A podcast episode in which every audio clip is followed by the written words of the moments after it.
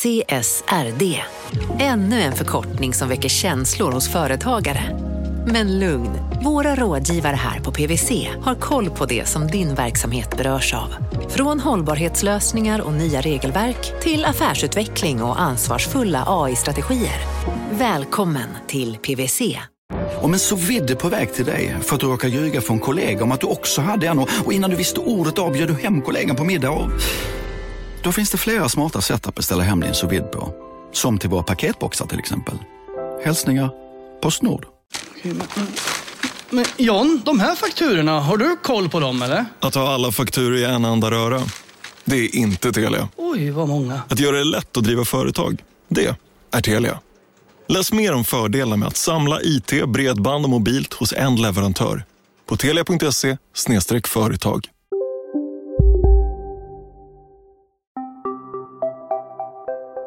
För Dea Brunner så började allt det här 2013. Han hade flyttat till Stockholm från Östersund. Jag hade hört talas om bitcoin och märkt att ja, men det finns någon typ av um, meetup här i Stockholm som man kan gå på som heter Satoshi Square. Satoshi Square, det låter lite japanskt. Ja, det är då döpt efter Satoshi Nakamoto, alltså pseudonymen på den person eller personerna, man vet inte riktigt, som, som sägs ha skapat bitcoin. Eller, mm. ja.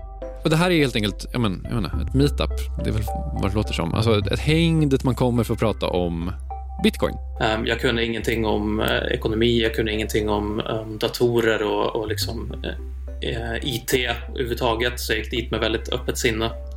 Det, det, låter så härligt att komma till en ny stad och så komma till en, en, in i ett nytt forum. Sådär. Jag, jag, jag känner, ja. men, verkligen så här, nystartskänslan ja. blir nog aldrig tydligare än för det brunner på Satoshi Square i Stockholm. Liksom. Eh, det här finns faktiskt kvar idag, alltså Satoshi Square. Det finns också liknande meetups eh, över hela världen.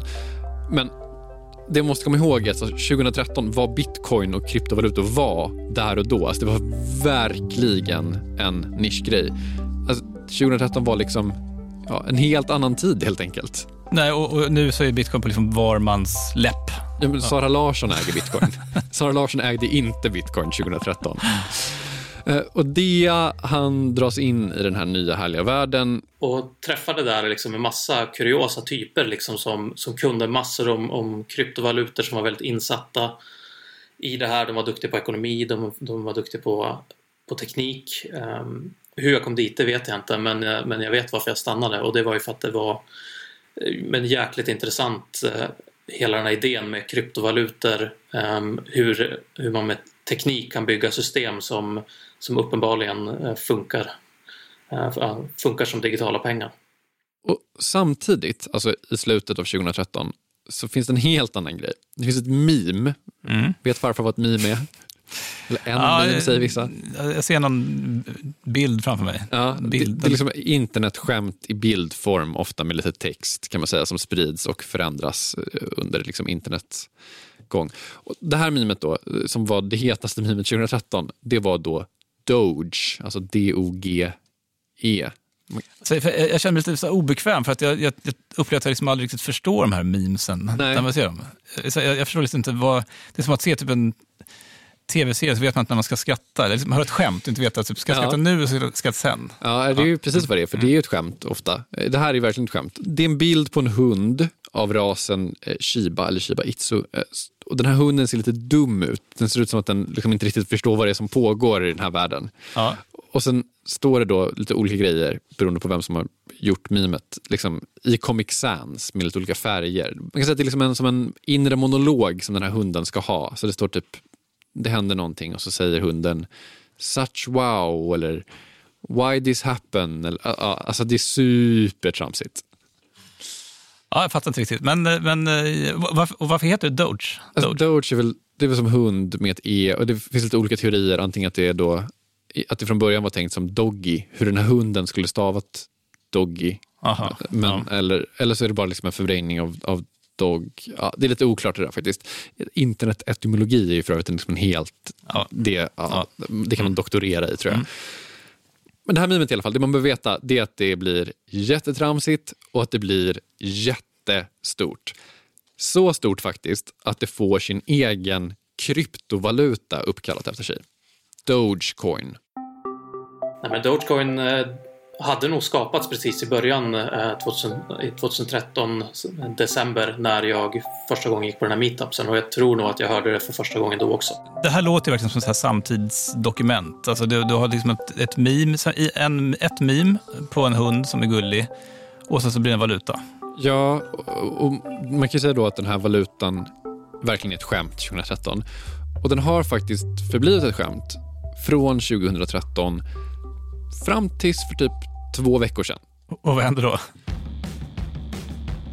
För två veckor sedan så blev Dogecoin plötsligt värt 8 miljarder dollar.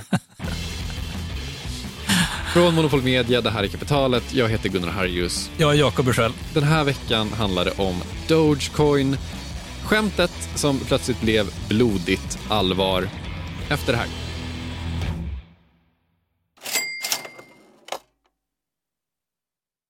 Vi sponsras av Storbrand Asset Management som ju förvaltar över 1000 miljarder norska kronor, bland annat för SPPs eh, många pensionssparare. För två år sedan så investerade Storbrand i drygt 60 tåg, alltså tågvagnar, eh, som rullar mellan London och Skottland. De leasar sedan de här tågvagnarna till tågoperatören som alltså kör tågen och säljer biljetter och sånt eh, med ett avtal på 27 år.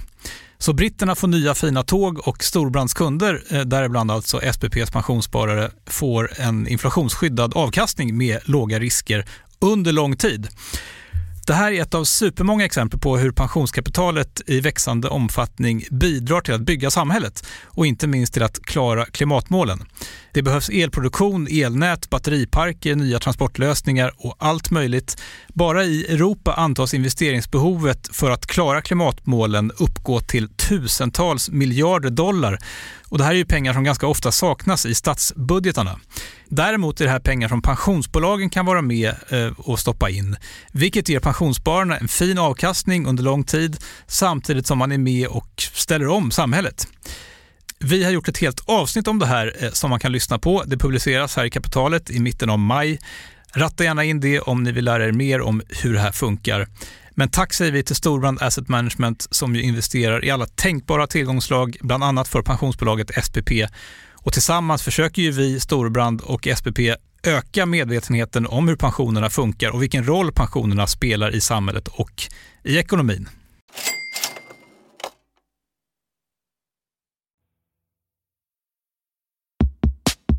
Den här veckan ska vi alltså reda ut vad i hela fridens namn det är som pågår med Dogecoin. Vi har en guide på den här resan, Jakob. Han heter Dea Brunner. Mm, som vi har träffat en gång faktiskt. Ja, ätit pizza med har vi mm. gjort. Men, om, om, man inte vet vem man är då?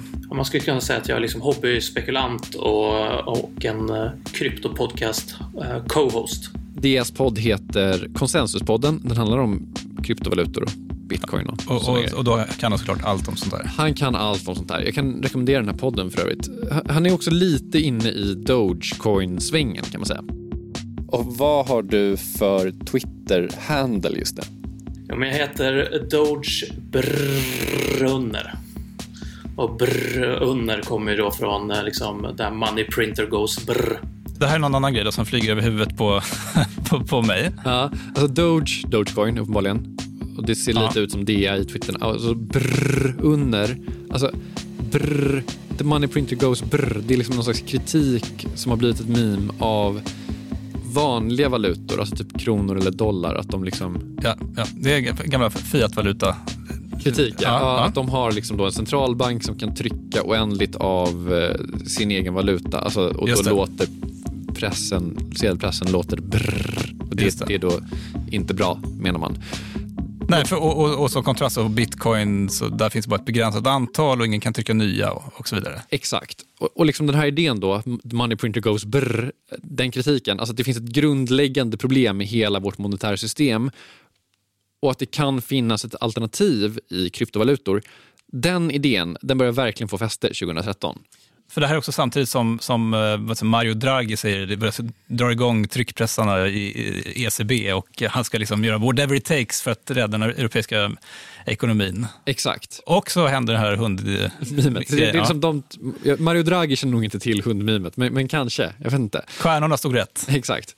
Bitcoin har ju funnits sedan 2009, men 2013 just så började det skapas eh, massa nya kryptovalutor. Gridcoin Primecoin, Ripple, Nixt. Ja, man har sett många sådana här dyka upp. Man har aldrig hört talas om dem tidigare. Nej, precis. En som läste mycket om det här på den här tiden, det var Jackson Palmer. Det är en australiensare som är inne i liksom någon slags IT-sväng. Han läser på om kryptovalutor och har liksom det uppe på en flik på sin dator. Mm. Och en annan flik på datorn så har han uppe ett Doge meme Mm. som han själv beskriver i podcasten Epicenter. And so I just had those two kind of tabs open in my browser, and and Doge and Coin just kind of blended together. And so it started as a Vi kommer länka till det här avsnittet eh, för övrigt. Men- Men Jackson Palmer ser de här två orden, Doge och Coin. Och så twittrar han, Investing in Dogecoin, it's gonna be the next big thing. Världen blev sig aldrig lik. Men det här var ett skämt. Exakt. Han ser dock till att regga en domän för att massa människor börjar typ retweeta det här och, och, och skämta tillbaka och nu gör vi det på riktigt och na, na, na, typ så här. Så han reggar dogecoin.com. Så liksom, han har det säkert. Han är ändå så pass smart. Och sen så gör han en bild där han lägger då den här shiba-hundens huvud på ett guldmynt och sen så liksom bara kickar allting igång. Här kan man då invända liksom att eh, man vet ju att det finns liksom mycket mer till en sån här kryptovaluta än en webbadress och en hund på, på ett mynt. Liksom det finns en liksom, kod, Ja, alltså, visst. infrastruktur bakom det. Ja, och det kunde inte Jackson Palmer någonting om. Men en som kunde någonting om det här, det var en annan kille som hette Billy Marcus. Han erbjuder sig att liksom ordna hela den här grejen. Ja. Och de skapade det i princip på en, eh, på en kopia av Litecoin. Ehm, som är lite annorlunda än bitcoin då, men, men Litecoin är en kopia av, av bitcoin. Så- så Måste man förstå hur det funkar för att förstå eh, historien tror du? Nej, det tror jag inte. Alltså, jag kan ju säga så här, all kodning för bitcoin och även Litecoin är liksom öppen. Alltså vem som helst kan läsa den. Alltså, det de gjorde var att de typ kopierade den, gjorde lite ändringar och sen så Alltså, man får göra så helt enkelt. Eh, Och Det finns massa bitcoin-kopior som är liksom byggda på samma kod typ, och, och sånt där. Jag fattar inte exakt hur, hur kod funkar, så jag fattar inte exakt hur man gör det här. Nej, nej. men, men jag fattar att man kan kopiera allting. Och det gjorde de. Och sen lanserade de då Dogecoin. Men, men då, det som då började som ett skämt då, 2013, är det fortfarande ett skämt när de lanserar en valuta ovanpå det här? Det är väl ett skämt. Eh, Det är väl också någonstans en ambition att göra någonting som är lekfullt. eh, Som, eh, som man kan lära sig om kryptovalutor om genom att använda Dogecoin. Det känns inte så allvarligt om du råkar tappa bort din plånbok eller så för att den var inte tänkt att vara värd någonting från början. Så ja, det var ett skämt. Men det var också faktiskt lite av en kanske, kritik eller satir eller parodi kanske man ska säga på hela kryptosvängen, alltså Nixt och vad allting hette. Ja. Det Jackson Palmer säger är, kolla vad larviga ni alla är som håller på med den här supervolatila grejen helt utan underliggande värde. Så här dumma ser ni ut liksom. Han Tycker nog att det är oseriöst liksom. Att det här kan inte vara värt så mycket pengar och att alla tar det här på så stort allvar. Ehm, så det är ju någon typ av en kritik också. Och väldigt länge är det väldigt oseriöst. Alltså Dogecoin är typ inte värt någonting. En, en Dogecoin är värd typ 0,01 cent 2014. Och sen så ska man säga att man minar ju fram nya Dogecoin hela tiden. Så att, men, men, men market capen, alltså värdet på alla coins i systemet ligger ganska stadigt runt 20 miljoner dollar under eh, större delen av 10-talet. Det är, ändå, det är ändå 200 miljoner spänn. Det är fascinerande att det här bara skämtet, den här hunden och mimet och, och den här kopierade koden plötsligt liksom är värt 20 miljoner dollar. Jag alltså, fatta hur mycket arbete det tar att bygga upp ett företag som är värt 20 miljoner dollar. Liksom. Inte riktigt där. Nej, vi är inte där. Men det är ju faktiskt någonting med det där. Alltså, det är fortfarande ett skämt, hela grejen. Och det märks också ganska mycket i hela Dogecoin-communityt. Bland annat så var det inför något vinter-OS så hade det ett jamaikanskt um, släd, slädlag Bob, eller bobslade kan man också kalla det. kvalificerat sig till OS. Men de hade inte nog mycket pengar för att ta sig dit. Eh, och då var Dogecoin-communityt väldigt snabba med att starta igång crowdfunding och donera liksom Dogecoin och pengar så att de kunde ta sig till OS. Men, men allvarligt, gjorde de det? De gjorde det här. Eh, de gjorde också det här. And he's got help from behind. Josh Wise in the 98, Joey Logano, the 22. We always Vad, är detta? Det här är då Nascar, du vet den här amerikanska bilsporten där Ja, de ja, kör ja. runt i en skitstor liksom, asfaltsvelodrom i 200 km i timmen. Och det vi hör är Josh Wise som kör upp i ledningen i sin Dogecar. han har fått spons av Dogecoin-communityt på sin Nascar. På sidan av bilen är det en skitstor bild på den här Shiba-hunden och så står det “Very Vroom”, vilket är ett sånt, sånt ja, men, men, men, gör de det liksom för att deras Dogecoins har blivit värda någonting och de plötsligt har pengar? Eller, eller liksom, är det bara ett stort skämt? Ja, men alltså, det är ju ett skämt på ett sätt. Och Det är så här, ja, men det blivit värde lite. Jag tror att också de samlade in lite vanliga pengar. Men, men det liksom börjar sprida sig i de här forumen och sen så typ, ja men okej nu är det värt en cent eller någonting. Okej, okay, mm. men då har jag faktiskt ganska mycket pengar här och det är ju obviously inte riktiga pengar. Så att vi gör den här insamlingen och säljer av och gör den här insamlingen liksom, och så mm. sponsrar den här Nascar-bilen. Det är lite så det går till. Mm.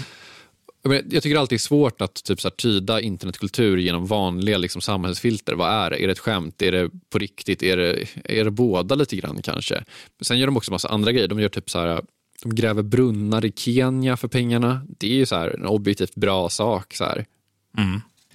Från 2017 så görs det också ett antal så här, internetkampanjer, lite GameStop-liknande grejer kan man säga. Alltså de försöker pusha värdet på Dogecoin. Det är någon grej tror jag, de vill få upp den till en dollar. Det är de ju inte nära på att göra, men den kanske går upp till typ tre cent eller någonting. Diamond hands. Ja, verkligen. men man kan säga att efter 2017 så börjar eh, Dogecoinen fluktuera ganska mycket fram och tillbaka och sen när den liksom stabiliserar sig lite mer så kan man säga att den nya basen, nya baselinen för det totala värdet av alla Dogecoin, det är då 300 miljoner dollar. Och, men då, då börjar vi liksom ändå snacka, då är det ju riktiga pengar. Samtidigt som det i typ kryptosvängen, ingenting. Liksom. och Dogecoin lever i liksom relativ obskuritet, åtminstone för de stora massorna, tills det då plötsligt för ett par veckor sedan totalt exploderar. Tonight Elon Musk makes one of his riskiest bets ever, linking Tesla's fortunes to bitcoins. The world's richest man now investing 1.5 billion dollars worth of his company's money in the cryptocurrency. Och, och, och, det är då som Elon Musk, som nu är liksom känt, köper en massa bitcoin. Precis, och då stiger ju då eh, priset på bitcoin till någon slags all time high och är bara, ja, kursen går bananas. Och, och hänger då Dogecoin med bara farten? Eller, eller vad, vad, liksom, hur hänger det ihop? Så här? Ja, men alltså, lite hänger det med bara farten. Det, det liksom uppstår någon slags allmän krypto-hype där alla känner att krypto är på riktigt och om världens rikaste människa tycker att det är på riktigt så vem är jag att ifrågasätta det? typ. Mm. Det blir liksom bara en allmänt peppig kryptostämning kan man säga. Ja. det är det ena som händer. Det andra som händer det är liksom att alla blickar vänds mot Elon Musk. Ja, det brukar ofta hända. Han, han tycker om det också. Han tycker om det. Och så här, Elon Musk är ju en ganska komplicerad person att beskriva tycker jag. Så han är ju väldigt många saker. Men en sak som han ju är, det är att han är liksom, lite så prankster eller vad man ska säga. Alltså han, han gillar ju typ skämta på sitt mm. egna lite konstiga sätt. Mm. på något sätt. Och när nu världens blickar riktas mot honom för att höra om han har något takes på kryptovalutor och på bitcoin och den här miljarden dollar han har lagt på det, om vi kanske står på tröskeln till ett helt nytt monetärt system, då börjar Elon Musk skriva om Dogecoin. Ja, han, han, lägger upp memes med, med Dogecoin, han säger att liksom Dogecoin to the moon och han har sagt att han har köpt Dogecoin till, sin, eh, till, sin, eh, till sitt barn så att den ska bli en toddler hodler en hodler är ju en sån som håller i kryptovalutor väldigt hårt och inte säljer dem. To the moon. To the moon. Kursen rusar. Eh, på toppen är Dogecoin värt 8 cent. Eh, nu den 19 februari klockan 12.14 så är den värd 5 cent. Men det är ändå en sjuk uppgång jämfört med vad den var värd för bara typ ett par veckor sedan. Men det här är, det här är väl ändå verkligen nya så här, tulpan... Alltså, så här, det, det är ju galenskap någonstans. Det är klart det är galenskap. Samtidigt som det har liksom väldigt konkreta effekter på, på saker och ting. Och I synnerhet liksom folks ekonomi, de som äger det här. Och så finns det liksom en aspekt av det här som är att typ Elon Musk på riktigt verkar ha ett ganska genuint intresse i kryptovalutor. Alltså, han har sagt att Tesla snart kommer kunna ta betalt i bitcoin. Det är en ganska stor grej. Han menar också att Dogecoin på riktigt skulle kunna bli någonting. Alltså, här, det finns 20 personer sägs det, som äger 50% av all Dogecoin. Eh, mm. Så de har blivit helt mm. hysteriskt rika ja. om de säljer av det här. Ja. Liksom. Eh, och det är ju inte så ett hållbart liksom inte en hållbar del av, det monetära, av ett liksom monetärt system om man ska liksom använda Dogecoin på riktigt. Man kan inte ha 20 personer som äger hälften av alla tillgångar i, i, ett system. Så att Elon Musk har lovat att liksom, han har erbjudit de här 20 ägarna, eller vad man ska kalla det, att köpa alla deras Dogecoin och sen typ så här fördela det i community på något sätt. Så att man på riktigt skulle kunna använda Dogecoin som the currency of the internet, alltså en riktig valuta som faktiskt är användbar. För grejen med bitcoin är ju att den är ju typ inte så användbar för att den fluktuerar så mycket och är så himla värdefull. Ja. Men världen är ju bra jävla intressant ändå. Alltså. Vem var det som köpte huset på kullen? Ja, men det är, han hade en corner i Dogecoin. han har köpt hela Edsviken nu. Men okej, så, det är hälften på skämt, hälften på allvar. Det är en påhittad valuta, helt utan underliggande värde, som nu då är värt, vad sa, vad sa vi? Ja, det var som mest uppe över 8 miljarder, nästan 9 miljarder dollar faktiskt, typ mm. 8,8. Nu är den nere på strax under 7 miljarder dollar. Um, det är fortfarande väldigt mycket för, ja. för, för, det här. Ja. En grej som jag tycker är så himla härligt med det här, det är att det finns en sån liksom klassisk antik, typ så grekisk ironi i allt det här. Som är liksom att liksom valutan som skapades för att parodera hur volatila alla kryptovalutor är, den har nu blivit den mest volatila av dem alla. Och, och särskilt fint blir det om det verkligen blir eh, liksom, vad säger, the currency of the internet. Liksom. Ja, verkligen. Men en sak som jag inte riktigt tycker att vi har rätt ut, det är hur hamnade vi här? Alltså lite mer fundamentalt, alltså bortom de senaste två veckornas händelser. Alltså hur kunde vi hamna på en plats där en galen elbilstillverkares tweets kunde förändra kursen på en påhittad skämtvaluta helt utan underliggande värde med 800 procent. Efter det här. Kapitalet sponsras av Master Exchange, plattformen där du som privatperson kan investera i låtar och får pengar varje gång de här låtarna spelas. Eh, vi berättade ju senast eh, om barnlåten Puff the Magic Dragon som noterades av Master Exchange under våren. Nu har utdelningen på den låten kommit, eller royaltyn som vi säger i musikbranschen. Eh, den ligger på drygt 12% i årstakt och det här är ju en avkastning som är helt okorrelerad till börsen. Till och med Goldman Sachs har börjat skriva om just musik som investering just ur det här perspektivet. Nu finns en möjlighet att investera i en ny låt. Eh, låten heter Boss Bitch och den är av Doja Cat eh, som, eh, alltså jag ska inte säga att jag är superdeep här men eh, det är ändå en, en, person som jag vet om det är. En, en världskändis. Den här låten gav baserad på förra årets spelningar en avkastning på drygt 13% Master Exchange har just nu en väntelista på registreringar. Det, det, går lite för bra för dem kan man säga. Men skriver ni in kapitalet som promo code så kan ni runda kön och ansöka om andelar i låten Boss Bitch ändå. Om ni investerar helt vanliga pengar, det är inget krypto eller sånt där, så vill du investera i musik och få en avkastning som är helt okorrelerad med börsen och kanske inte minst för att det är kul att äga låtar, eh, så kan man gå in på masterexchange.com och använda kapitalet som promo-code så går man alltså förbi kön. Kom ihåg dock att alla investeringar är förenade med risk, men vi säger stort, stort tack till Master Exchange. Kapitalet sponsras av Karla, Jakob. Ja, bilar igen. Ja, det är härligt. På Karla kan man sälja sin elbil eh, på det gissningsvis smidigaste sättet i Sverige. Eh, Karla har ju ett nästan ett komiskt högt användarbetyg på Trustpilot. Mm. 4,8 av 5, vilket jag typ aldrig hört talas om. Nej, det är väldigt, väldigt högt. Eh, man knappar in lite info om bilen på sidan, sen får man en gratis värdering och ett bud. Accepterar du budet kommer Karla och hämtar upp bilen gratis och sätter in pengarna innan de kör iväg. Inget mer än så.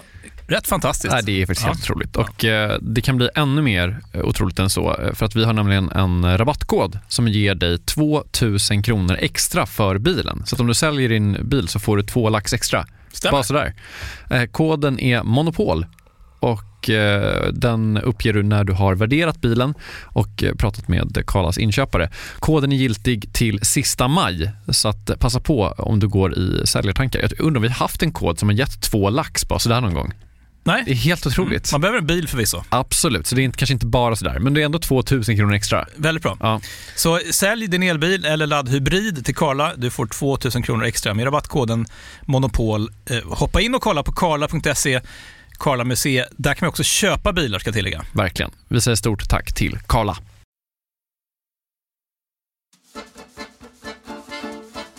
Okej, en skämtvaluta med en hund på har blivit värd 8 miljarder och vi försöker fatta vad som hände. Ja, och en sak som jag inte riktigt pratar om, eh, det är den lite mer grundläggande frågan. Alltså, var kommer allt det här värdet ifrån? Alltså, okej, obviously är det utbud och efterfråga. Det är det alltid. Det är alltid bara svaret på alla Mm. frågor. Mm, bekvämt. Ja, det är också, det är också svårt att göra den här podden intressant på ett sätt. Men om vi pratar lite mer så här äh, fundamentalt, vad är det som liksom pågår här egentligen? Ja, och då brukar man prata om liksom att eh, det finns någon form av så här in- scarcity. Liksom att det, det, det, finns en brist, finns en brist på saker så kan det få ett värde. Och om den här liksom kryptovalutan bara finns ett givet antal och det är fler som vill ha den så uppstår ett värde bara i den mänskliga psykologin. Precis, och plus att det då finns liksom en teknisk lösning som är liksom, men på samma sätt, inte riktigt på samma sätt, men man kan ju likna det vid att man har byggt upp en teknisk lösning för typ kronor som är att vi har en riksbank och man har Handelsbanken eller Swedbank, alltså så här affärsbanker och kreditinstitut. Liksom. Och, alltså, det är ju en del av värdet i kronor, att det finns en, en stor infrastruktur på plats. På samma sätt så finns det ett värde i bitcoin delvis för att det finns en stor teknisk infrastruktur på plats liksom, som gör att det går att föra över pengar mellan varandra. Jo, men det är liksom inte bara infrastrukturen bakom svenska kronan som gör att du tycker att 100 spänn är värt 100 spänn. Alltså varför vill du ha betalt i kronor istället för Dogecoin? Eller något annat. Du, du, du vet att liksom, du kan få någonting för det. Ja, precis. Och så finns det ju hela det som man alltid pratar om som så här, vad, vad är, skapar ett värde för en valuta? Jo, man måste betala skatt för med den valutan. Och när man bestämmer att man måste betala skatt med en viss valuta så skapar man ett värde på det. Ja, precis. För annars är det nackskott. Nackskott är också en klart bidragande an- liksom, anledning till att eh, svenska kronan är värd någonting. Nej, men på riktigt är det ju så. Ja, ja. Liksom, våldsmonopolet är ju verkligen en, en stark kraft i liksom en nations ekonomiska system också. Absolut. Bra backstop för, för värdet på kronan. Sjukt bra backstop. Men våldsmonopolet finns ju liksom inte riktigt i bitcoin, vad jag vet. ska sägas. Det kanske finns någon sån. Inte än. Nej, Ja, inte än i ja. alla fall. Men det finns ju också liksom en helt annan värdeskapare i spel här. Och vill man förstå den eh, så finns det faktiskt bara en person som man vill prata med. Yes, jag, jag heter Claire Ingram Bogush. Eh, jag är ekonomidoktor på Handelshögskolan och lektor på ehm, institutionen för Informa- informatik och media på Uppsala universitet. Du känner ju Claire lite grann, känd från tv som du är. Ja, vi brukar vara med i samma tv-program. Det är ingen stor grej. Nej. Kolla på Ekonomibyrån med, med Claire och Jakob tycker jag. Ja. Det är härligt. Anledningen till att Claire Ingram Bogush är personen man vill prata med om det här, eh, det är att hon forskar på en eh, mycket specifik sak. Hur digitala verktyg påverkar hur vi beter oss och hur vi skapar värde och, mm, och särskilt på nätet men också lite, lite liksom P2P också. Och, och då är bitcoin ett exempel på hur, hur värden skapas på nätet. Precis. Och hur gick det till? Vad, vad- menar hon att det här värdet kommer ifrån? Satoshi Nakamoto har skapat värde från, från luften nästan. Um, det var en idé som uh, ja, attraherade ganska många och blev del av deras identitet och många satsade på att lära sig tekniken och, och köpa infrastrukturen som behövs för att bygga bitcoin. Och sen har bitcoin blivit så transformativt att det är liksom hundratals andra nya kryptovalutor som har inte med bitcoin att göra. Och sen till och med central bank currencies, digital currencies, som, som också um, har någon slags koppling till bitcoin. Man kan väl säga att det här är verkligen en sån stark bidragande orsak till att kryptovalutor har ett värde överhuvudtaget. Alltså, de får sitt värde för att grupper av människor menar att det har ett värde. Alltså, de har investerat jättemycket tid och också typ vanliga pengar att bygga typ en eh, miningdator. liksom. Eh, Och de här gruppernas egna värdeskapande, det är liksom med och sätter värdet i valutan på något sätt. Det finns liksom en in-group value-grej going.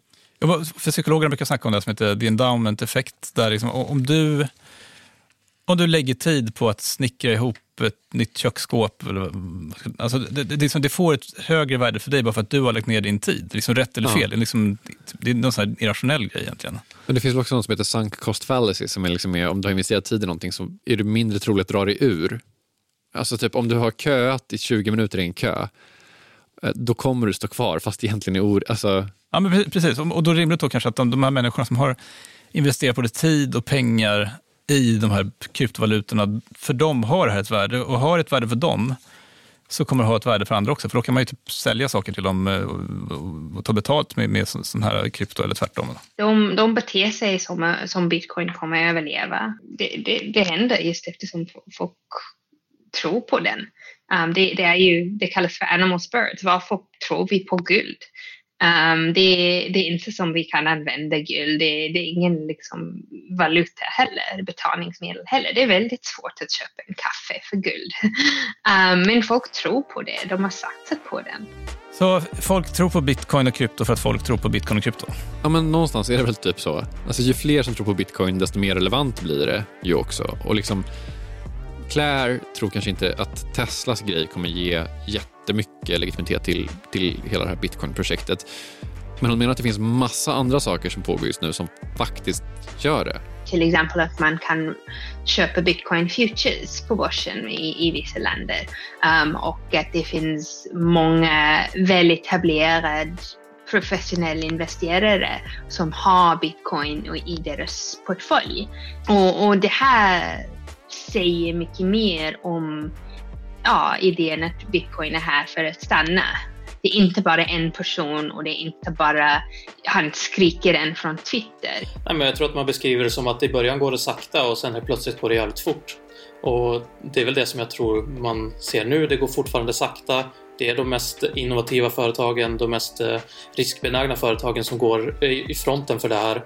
Men eh, man skulle väl kunna säga att det, det, krävs ju såklart fortfarande att mer företag från den mer traditionella ekonomin um, väljer att göra det här.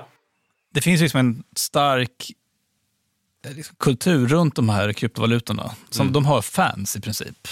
Men det finns en annan grej som är i spel här också. Det är den här liksom, kulten som har uppstått kring Elon Musk. Claire kallar det faktiskt för just the cult of, of Elon Musk. För att så här, folk följer honom. Han har liksom blivit en så konstig blandning mellan en influencer och världens rikaste man. Och en seriefigur. Ja, men ja. exakt. Han är ju väldigt många saker.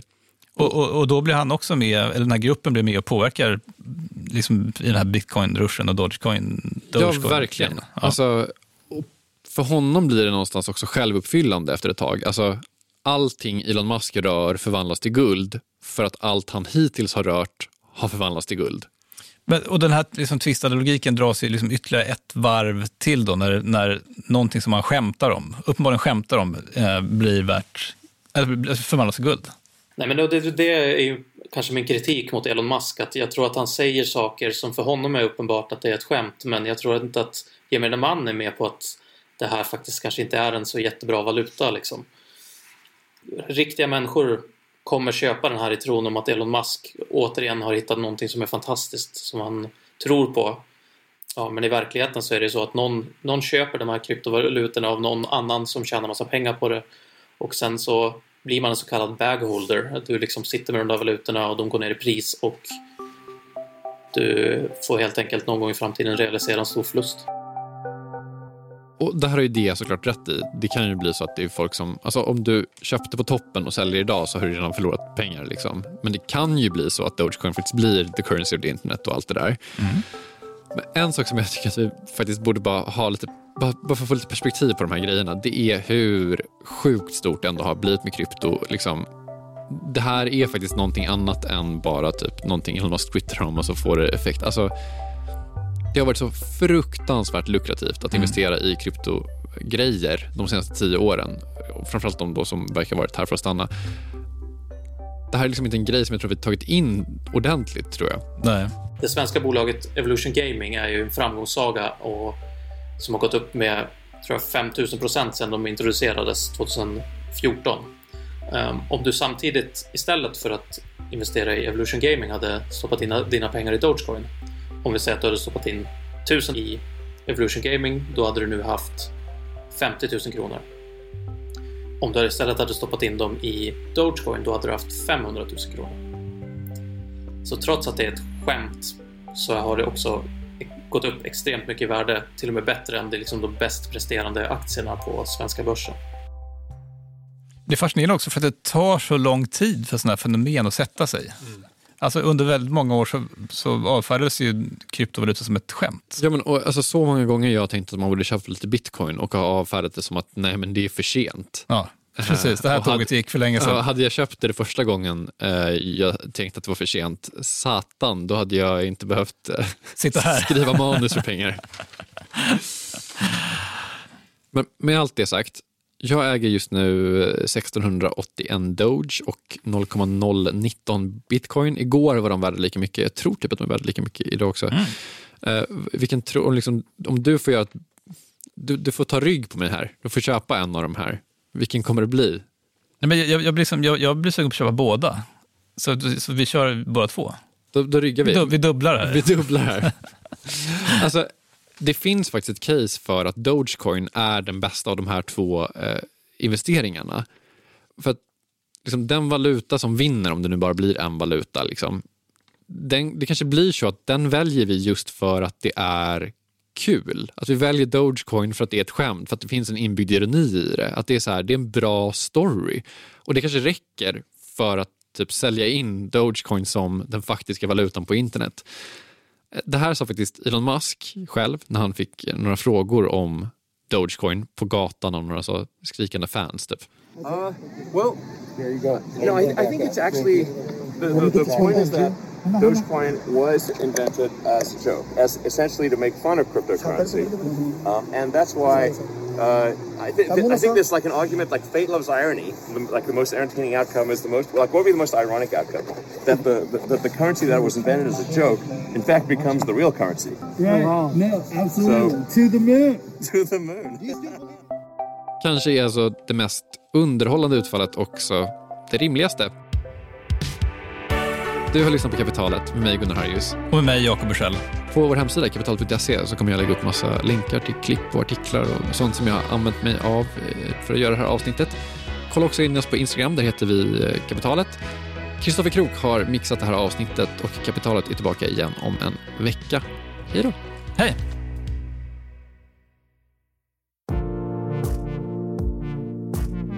Det här är podden SNS Reportage, en podd från SNS och som görs av oss på Monopol Media. Jag heter Jakob Bursell. Jag heter Gunnar Harjus. Du känner till Spotify? ja, ja, jag känner till Spotify. Ja, alltså ett företag som heter Pricerunner kanske? Ja, ja de är väl inte... Kanske, det, är också, det är också ett sjukt känt företag. Ja, det. Ja. En intressant grej som det inte talas om så värst mycket är att de här två svenska bolagen är inblandade i bråk med två av världens största företag. Spotify de har varit arga på att de tvingas betala pengar till Apple för att få sälja prenumerationer i Apples app, alltså App Store. Mm. Samtidigt då, så de konkurrerar mot Apple Music som ja, inte betalar till sig själva. Nej, det här är ju ett krig som förs av, av flera företag. Alltså många så här uh, tv-spelsföretag och sånt där håller också på att bråka med Apple om sånt där. Verkligen. Eh, och Price Runner, eh, de, det är då en prisjämförelsesida, ska jag säga. De mm. är sura på Google för att de visar prisjämförelser i sina sökresultat. De har liksom tagit funktionen som Price Runner hävdar är deras, liksom, eller? Ja, precis. Mm.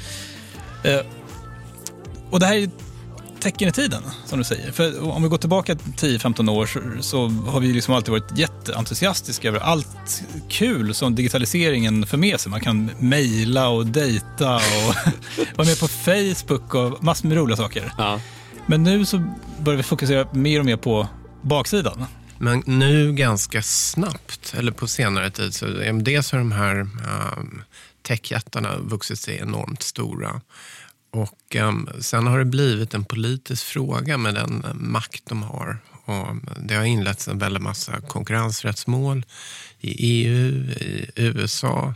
Mm. Och det har kommit nu på senare tid. Och det har också höjts röster för att reglera uh, en del av de här digitala plattformarna. Mm. Så konkurrensfrågorna har var väl kanske inte så starka i början, men nu är det nästan full storm på det området. Det här är Sten Nyberg, professor i nationalekonomi vid Stockholms universitet. Han är väldigt intresserad av konkurrensfrågor. Och håller man på med konkurrensfrågor så har världen plötsligt blivit mycket, mycket mer spännande. Mm. EU har precis sjösatt ett eh, jätteförslag om hur nätjättarna ska regleras och eh, i USA, det här, det här är fascinerande, så har myndigheterna stämt Facebook för konkurrensbrott med målet att alltså, omintetgöra förvärvet av Instagram. Vilket hände för jättelänge sedan, eller? 2012. Och det vill de nu ta tillbaka liksom, tio år senare? Ja. Vad händer med Instagram då? Måste de gamla ägarna, som säkert inte vet någonting om hur liksom, nya Instagram funkar, måste de gå in och börja styra det då? Jag antar det. Jag måste betala tillbaka en miljard till Facebook. Mycket att få den inbetalning, alltså denna vin. Man har köpt liksom en lilla paradisö och så måste man sälja den. Men du hör ju. Flytta hem till mamma och pappa. Ja. Ja. Men, men alltså, det ska ändå gå rätt långt innan myndigheterna i ett land börjar bryta upp privata företag. Det händer ju inte jätteofta. Eh, vilket gör att man undrar, hur hamnar vi här? Internet är ju förstås en del av svaret, men, men sen då? Men en viktig aspekt som ekonom är att digitalisering sänker en väldig massa kostnader.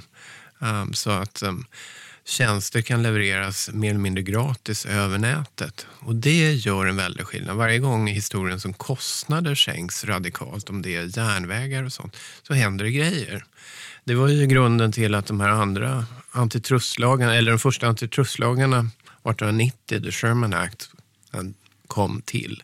Det var ju att man hade haft den här industriella revolutionen och järnvägen hade börjat byggas ut. och Man hade skapat en väldigt massa starka truster och monopol. Ehm, så i grunden så finns det stora kostnadssänkningar där. Det ser vi ju nu också. Så det som händer när järnvägen byggs ut, eller, eller internet för den delen, det är att marknader blir större och när marknader blir större så får företagen skalfördelar. Alltså kostnaderna minskar i, i båda ändarna. Och på ett sätt så kan det här faktiskt öka konkurrensen i samhället eftersom ett företag i Sverige plötsligt då kan få konkurrens av ett företag i, i Kina, vilket vi ju har sett. Um, den andra sidan av myntet är att om allt är tillgängligt så kan ju konsumenterna välja, vraka och ta det som är bäst. Så det blir en väldig premie på att vara lite bättre. De företag som är lite bättre kan växa sig enormt stora. Men så finns det också en annan grej som pågår här. Eh, jag minns ju rätt tydligt när Facebook kom till Sverige runt 2007. Minns du det där? Ja, visst. Mm. Jag, var en, jag var en early adapter på var Facebook. Ja. Ja. Och jag kommer ihåg tydligt, för jag hade då hotmail, en hotmailadress på den tiden. Aha. Och så började man få så här konstiga mejl om att ja, men, så här, Kalle has joined Facebook och Olle has joined Facebook. Och mm. Det var liksom så det spreds. Så fick man inbjudningar från sina kompisar. Men, men, i början så såg man, eller jag i alla fall, det här mest som, som spam. Men sen när man insåg att en massa människor som man känner då har skaffat ett sånt där konto så blev det någonstans svårare och svårare att motstå och det här är då på sätt och vis en ganska naturlig psykologisk effekt, men också någonting som ekonomerna kallar för nätverkseffekter. Om man kan välja mellan olika sociala medieplattformar så finns det en fördel att välja en som är lite större, där fler av ens vänner är tillgängliga. Um, så det gör att, att vara stor i sig, eller ju fler som använder en tjänst, desto mer värdefull blir den. Och det är klart, en dejtingsajt är väl samma sak. Vem vill vara på en dejtingsajt med bara en person? Um, och det gäller, men den logiken har ju funnits tidigare. För gamla dagstidningar um, så var det ju samma sak. Har man många läsare så blir många annonsörer intresserade. Och då har man råd att producera ett bättre innehåll, kan få fler läsare och så rullar det på. Så, så logiken är inte ny, men på internet så får det en helt annan skala. Så någonstans kan man tänka sig att de här grejerna bara föder varandra. Du, du får ett självspelande piano pianot då som är att nätverkseffekter gör att bolagen blir större och då får de skalfördelar och kan sänka priserna och då kan de få ännu fler kunder och så vidare. Ja, så, ja. så rullar snöbollen ner för berget. Mm. Sen är det lite mer komplicerat än så. Eh, vid en viss punkt kan man också tänka sig att ett företag eller en plattform blir så stor då att det inte gör någon skillnad om det dyker upp en miljon nya användare. Alltså det, ska ju sälja någonting på Blocket, det spelar ingen roll om det kommer 500 000 pers till. Så du, du, du hittar det mesta där ändå. Mm, precis, eller Blocket kanske spelar roll, men typ för Facebook spelar det ingen roll om de har 2 miljarder eller 2 miljarder en miljon användare. Kanske. Nej, nej precis, nej. inte alls. Mm.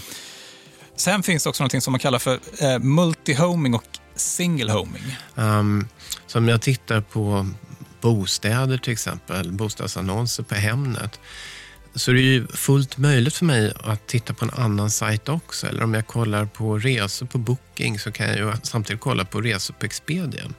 Och det där kallas single homing eller multi-homing då, beroende på om man tittar på en eller två eller flera. Um, och är det så att man bara kikar på en, då blir marknadsmakten ganska stark för den plattformen som har um, en sån position. Medan om det finns flera möjliga som man kan kika på, om man, så att säga, då blir konkurrensen mycket mer intensiv. Man kan då tänka sig att det finns en dynamik här som gör att ett fåtal spelare i världen bara får en väldigt, väldigt stor del av marknaden i slutändan. Jag menar, hur många, hur många företag kommer det finnas kvar om 20 år? Nej, men det där har jag tänkt på verkligen också. Men det, jag kommer att jag tänkt på liksom när eh, Instagram blev köpta av Facebook. Och typ, var det inte typ också att Twitter ägde Vine som ju var en sån mm. halvkortlivad TikTok-föregångare. Typ. Och mm. man kände så här, till slut kommer Facebook köpa Twitter och sen så kommer det bara finnas liksom ett bolag på hela internet. Mm. The Matrix. Ja, men exakt. Men den här dynamiken, den, den syntes inte så tydligt i början av digitaliseringen, även om man då tydligen pratade om det ute på konkurrensmyndigheterna. Sten Nyberg själv ska säga, har jobbat på Konkurrensverket i många år. Men, men sen har det gått enormt fort. Så många av de plattformar som är stora idag, TikTok, YouTube, Instagram, alltså de fanns ju knappt för tio år sedan. Utan de, de har vuxit sig enormt stora på bara några år. Nej, eller liksom, om de fanns så var de kanske inte i liksom, det allmänna medvetandet på samma sätt som de är idag i alla fall. Nej, att, de typ äger, ja, att de typ äger hela internet. Liksom. Mm. Internet är ju bara de här sajterna som du nämnde nu. Typ. Ja, nästan. Ja. Men alltså, en grej som jag undrar över då, det är så här, är det så att de här företagen har, alltså, har de fått växa sig så här stora? Eller har det, alltså, har det inte funnits några regler från början? Det finns ju regler, eh, säger Sten, men problemet är att de inte riktigt har varit anpassade efter vår tids mest lyckosamma affärsmodell. att liksom ge bort saker gratis i sken av att det är gratis, men det är den som eh, använder tjänsterna som är produkten. Mm, du betalar med din uppmärksamhet. Ja, men precis. Eh, för de här regleringarna har då tydligen haft så tröskelvärden som baseras på omsättning. Men omsättningen är kanske inte ett perfekt mått då när hela världen kan googla helt gratis. Nej, man kanske ska tänka inte, användare eller någonting. Då. Nå något annat. Ja. Sen, en sak som jag fastnar för i den här diskussionen, som kanske blir lite mer filosofisk, är ju också, är det här ett problem? Eller snarare, alltså om du investerar enorma belopp för att vinna en sån här marknad, alltså man, man ska inte inbilla sig att det inte är så riskfritt att, nej, att, nej. att, att liksom försöka bli nya Facebook. Det är nog många som, som har försökt. Liksom. Jo. Men om man då lyckas med det och investerar massor med pengar, är det då inte bara någonstans liksom marknadens rättvisa att du också blir störst? Det är nog marknadens rättvisa att om man nu är fruktansvärt bra um, så, så är det rimligt att menar, man kan ju vända på det och säga att varför skulle konsumenter inte få köpa den produkt som är bäst? Ehm, det är ju rimligt att de gör det valet. Och, utan problemen uppstår ju uh, ur konkurrenssynpunkt om man inte längre är bäst. Uh, men ändå lyckas konkurrera ut uh, företag som är bättre än en själv. Och Det här är ju väldigt intressant. Liksom, vilken produkt som är bäst är ju väldigt alltså det är subjektivt såklart. Uh, men i en del fall så blir det ganska uppenbart. Ett problem som Sten beskriver det är när företag med stor marknadsmakt börjar gynna sig själva. Mm. Ett exempel kanske är då när ICA konkurrerar ut sina egna underleverantörer med egna varor. Jag säger inte att det här är olagligt, säger inte ens att det sker, men, men liksom bara för att se, ge liksom ett hypotetiskt exempel på, ja. på, på, ett sånt problem. Men eller då typ om Apple säljer en egen musiktjänst i sin egen liksom App Store utan då att behöva betala 30% till sig själva. Och, och konkurrera med Spotify samtidigt? Ja, men exakt. Hela den här diskussionen om nätjättarnas makt har på något sätt krupit in i offentligheten under de senaste åren. De har i alla fall krupit in i min hjärna, för jag har liksom inte tänkt på att det här varit en så stor grej förrän ganska nyligen faktiskt. Mm. I ganska stor grad, säger Sten, så beror det här på att företag, alltså andra företag har börjat stämma de här nätjättarna, eh, vilket då har givit upphov till gigantiska konkurrensmål. Och sen har politikerna ovanpå det insett att de här konkurrensmålen, de kommer inte räcka för att skapa välfungerande marknader på sikt. Jag tror att man eh, är rädd för att det är svårt att hantera såna här saker som självgynnande. Det är svårt att hantera saker som äganderätt av information. Um, med en reglering, till skillnad från konkurrensrätt, så kan man ju specifikt peka ut beteenden som man vill styra upp så att säga. Att man måste dela med sig av information till exempel. Um, och man kan förbjuda vissa typer av självgynnande beteenden.